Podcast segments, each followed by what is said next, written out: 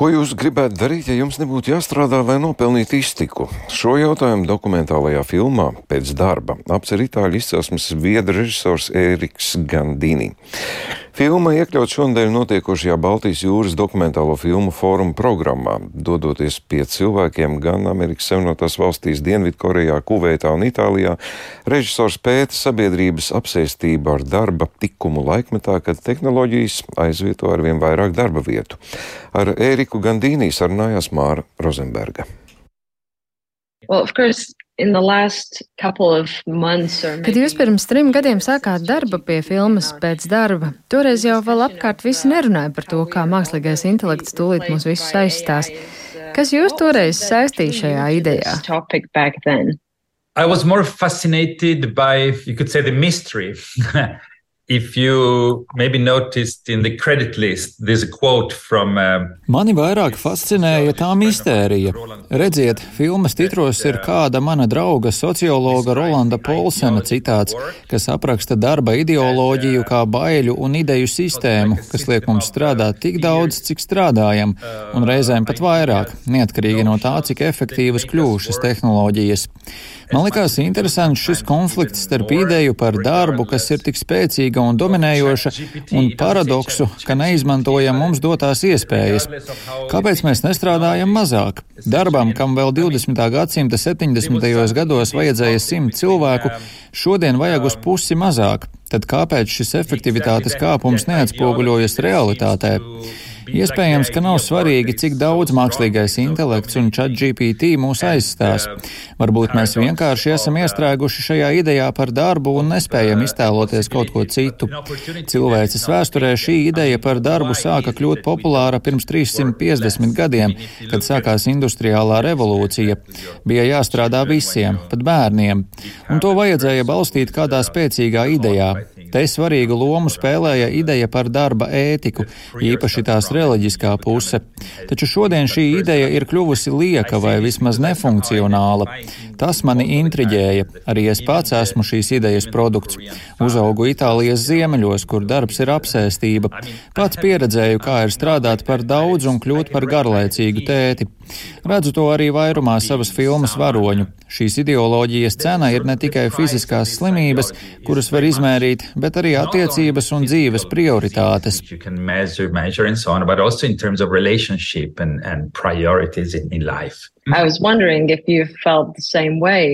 Vai arī jūs pašu personīgā pieredze pamudināja ķerties pie šīs filmas? Yeah, it's a very strong idea. It's very strong. And... Jā, šī ir ļoti spēcīga ideja. Sāku veidot filmas tradīcijā, kur stāstu uz priekšu virza filmas varoņi un viņu stāsti. Man joprojām patīk cilvēku stāsti, bet gadu gaitā mani arvien vairāk saista ideju spēks. Šī ideja par darbu ir vienlaikus ļoti spēcīga, bet arī it kā pašsaprotama. Tas šķiet tikpat pašsaprotami kā elpot. Tev vajadzētu studēt, dabūt darbu, attīstīt profesiju, definēt savu profesionālu nacionālo identitāti. Visam vajadzētu rotēt ap darbu, bet man ļoti patīk apšaubīt šādas lietas, īpaši jau laikā, kad tās kļūst arvien nesavietojamākas ar nākotni. Kā jau jūs teicāt, pirms trīs gadiem man tas vēl nenāca prātā. Kad sākām darbu pie filmas, ideja par tehnoloģijām, kas atbrīvos mūs no darba, šķita abstrakta. Daudz abstraktāka nekā pēdējos sešus mēnešus. In that sense, as, as it became in the past six months, yeah. Yeah. And now this film has come out in a time Bet jūsu filma ir iznākusi ļoti trāpīgā laikā. Yeah, that's very lucky. Yeah, that's very, very lucky. Because, you know, Jā, ar to man ļoti paveicās. Kad sāku darbu pie šīs filmas un stāstīju cilvēkiem, par ko tā būs, viņus mazliet garlaikoja ideja par darbu kā filmas centrālo tēmatu. Tas man vienmēr ir liels izaicinājums. Kad strādāju pie savām filmām, es pats kļūstu apsēsts ar konkrēto tēmatu, bet nav viegli panākt, lai tas būtu arī kinematogrāfiski pievilcīgs. Man šķiet, ka publiskajās diskusijās par darbu dominē tehnoloģiju industrijas spēlētāju viedoklis, bet mēs filmā uzdodam ļoti vienkāršus jautājumus, kas ļauj iesaistīties visiem. Nu, piemēram, ko tu darītu, ja tev nebūtu jāiet uz darbu? Izklausās pēc jautājuma, ko varētu uzdot cilvēkam, kurš grasās pirkt loterijas biļeti, bet šī tēma ir daudz vairāk universāla nekā individuāla. Dokumentālās filmas nereti koncentrējas uz individuāliem stāstiem, uz vienu mikroskopisku realitāti. Mani vairāk interesē sabiedrība, tās grupas. Ja es braucu uz Kuveitu, tad nevēlos dokumentēt tikai viena atsevišķa cilvēka stāstu. Man tas sākas ar stāstu par sabiedrību kopumā. It starts with me, with the society in itself.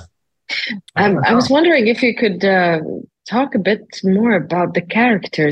Pastāstiet vairāk par savas filmas varoņiem. Jūs viņus filmējāt ASV, Kuveitā, Dienvidkorejā, Itālijā. Dokumentējāt ļoti dažādas attieksmes pret darbu. Kā jūs šos cilvēkus atradāt? the film has a first part, the first chapter, you could say, or act, which is uh, very much the dysfunctional present. Filmas pirmā daļa pamatā pievēršas tā saucamajai disfunkcionālajai tagadnei. ASV un Dienvidkoreju es izvēlējos tāpēc, ka šajās sabiedrībās ir ļoti konfliktējošas attiecības ar darbu. Savā ziņā tie ir galēji piemēri idejai, kas nogājusi greizi. Nav vērā ņemama izskaidrojuma, kāpēc, lai ASV cilvēkiem būtu tikai divas nedēļas atvaļinājuma gadā. Patiesībā ASV ir vienīgā pārtikusī valsts pasaulē, kas negarantē iedzīvotājiem tiesības uz atvaļinājumu. Arī Korejā eksistē pārstrādāšanās problēma, bet valdība to mēģina risināt. Iespējams, viņu darba lietu ministrs ir vienīgais pasaulē, kurš uzņēmies misiju panākt, ka cilvēki strādā mazāk. Es sāku ar šādiem stāstiem un pēc tam sadarbojos ar vietējām producentu kompānijām, kas palīdz atrast varoņus. Bet amerikāni Džošu es atradu, kad meklēju iedvesmas lektorus. Viņš strādā uzņēmumam ar nosaukumu Darba ētikas attīstības institūts, un jau no paša sākuma bija ideāls kandidāts šai filmai.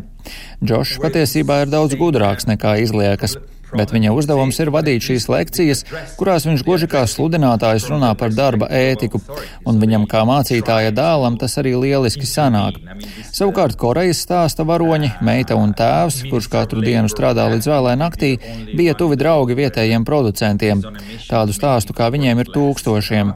Ja esat 30 gadnieks, ļoti iespējams, ka vienu no vecākiem, īpaši tēvu, uzaugot redzējāt ļoti reti, jo viņš visu laiku strādāja. Korejā šis paudžu konflikts ir ļoti izteikts. Ar Kuveitu bija grūti tādā ziņā, ka tā nav valsts, kur tu vienkārši vari aizbraukt un darīt, ko vēlies. Ir vajadzīga piekļuve, nav preses brīvības. Filmas varone Fatima valkā sejas aizsegu nevis tāpēc, ka viņa to nesētu ikdienā, bet tāpēc, ka baidās atklāt savu identitāti. Savukārt bagātā mantiniece no Itālijas, es ļoti gribēju iekļūt šajā īpaši privileģēto cilvēku pasaulē. Pēc ASV un Dienvidkorejas pieredzes man bija svarīgi atrast kādu, kurš katru rītu pamostas un domā, ko es šodien varētu darīt. Parasti dokumentālajā žanrā šādi cilvēki tiek rādīti negatīvā gaismā, jo viņi taču ir bagāti. Es biju vienkārši zinātkārs. Man šķita, ka šīs sievietes pieredzē, kā ir būt brīvam no algota darba, ir kaut kas vērtīgs, kas ar laiku varētu noderēt daudziem no mums.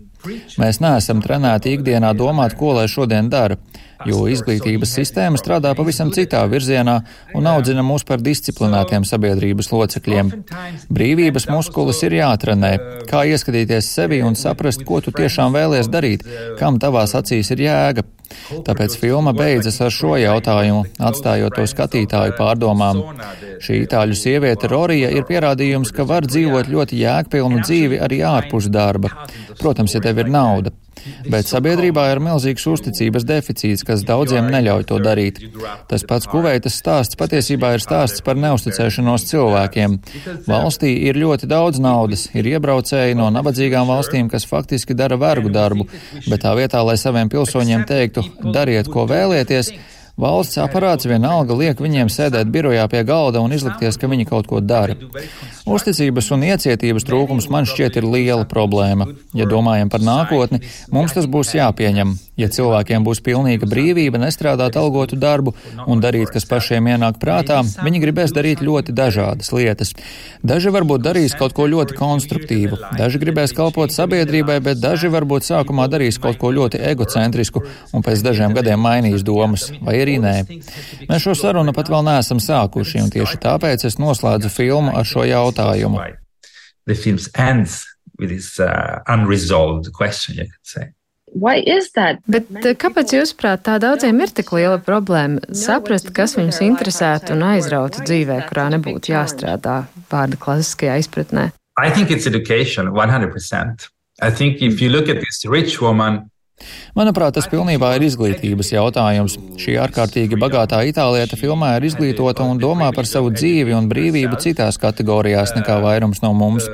Domāju, ka mēs parastie cilvēki maldīgi uzskatām, ka esam labāki par tiem bagātniekiem, jo smagi strādājot kļūstam patiesāki, autentiskāki, mēs ar saviem sviedriem nokļūsim paradīzē. Bet patiesībā šī ideja nes labumu tikai dažiem privileģētajiem ļaudīm, kas no tā nopelna. Itāliski mums ir teiciens, ka darbs dara cēlu.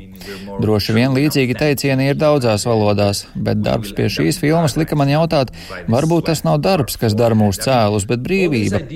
Bet daudzi no mums tai nav sagatavoti. Es to redzu arī, piemēram, savos studentos Stokholmas filmu akadēmijā. Ja tu viņiem saki, tu esi mākslinieks, te ir budžets, mēs palīdzēsim ar padomu, bet ko tu gribi darīt? Cilvēki reizēm ļoti nobīstas.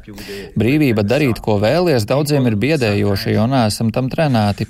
Really freak out. It's like it's, it's, this freedom is really scary. And I think it's scary because we're not trained to that. Yeah. But we're still talking about just one part of our society that Tomēr tā ir tikai viena neliela daļa no sabiedrības, kas var atļauties sākt domāt par darbu citādāk. Arī jūsu filma labi parāda to milzīgo nevienlīdzību, kur, piemēram, Kuveitā vidusmēra ģimenē ir nevis viena, bet pat divas maikalpotājas. Bet šīs maikalpotājas nerad strādātu verdzībā esošos apstākļos. Totally. I mean, this film is, is made uh, to look at work as an idea. Protams, šī filma ir veidota par darbu kā ideju. Vairumam planētas iedzīvotāju darbs joprojām ir absolūta iztikas nepieciešamība. Arī tas ir ļoti svarīgs stāsts, un par to ir uzņemtas daudzas dokumentālās filmas. Mans mērķis bija apskatīt darbu no ideoloģiskās perspektīvas. Taču arī šajā filmā ir stāsts, piemēram, par Amazon kurjeri Astrīdu un viņas darba ikdienu. Tā kā arī mēs šim aspektam pieskaramies. But yeah, You've probably thought about this a lot, thinking about your life as well. Un kādu jūs pats redzat savu identitāti ārpus darba? Ah, it's tough. I mean, uh, I I thought I think a lot about this because I definitely I'm a product of that too. Jā, esmu daudz par to domājis. Cik viegli es spēšu paskatīties uz sevi ne tikai kā uz kino profesionāli režisoru. Tāpēc arī man vajag palīdzību. Man šķiet, ka filmas beigas savā ziņā ir sauciens pēc palīdzības. Domāju, ka ir laiks mums visiem kopā definēt, kāda ir darba nozīme dzīvē. Šeit Zviedrijā, piemēram, ir psiholoģiski ļoti grūti būt bezdarbniekam, jo tā ir ļoti individualistiska, smagi strādājoša sabiedrība, kurā uzskata, ka katrs pats ir savas laimes kalējs. Šādā sabiedrībā cilvēki, kas izvēlas nesaistīt savu identitāti ar darbu, tiek ļoti stigmatizēti. Varbūt citās valstīs tas ir vieglāk. Bet labā ziņa ir tā, ka ideja par darbu kā dzīvi definējošo elementu nav iecirsta akmenī. Tā var mainīties, un varbūt tiešām pēc gadiem 10, 20 mēs vieglāk varēsim iedomāties scenāriju, kur cilvēkiem ir daudz veselīgākas attiecības ar darbu. Where, where work maybe, where we have much more healthy relationship to work. Jā, dzirdējāt Māras Rozenbergs sarunu ar režisoru Ēriku Gandīnī par dokumentālo filmu Pēc darba. Filma būs skatām šovakar Reizeknē, rīt Cēsīs piekdien Talsos, bet Rīgā piekdien un svētdien.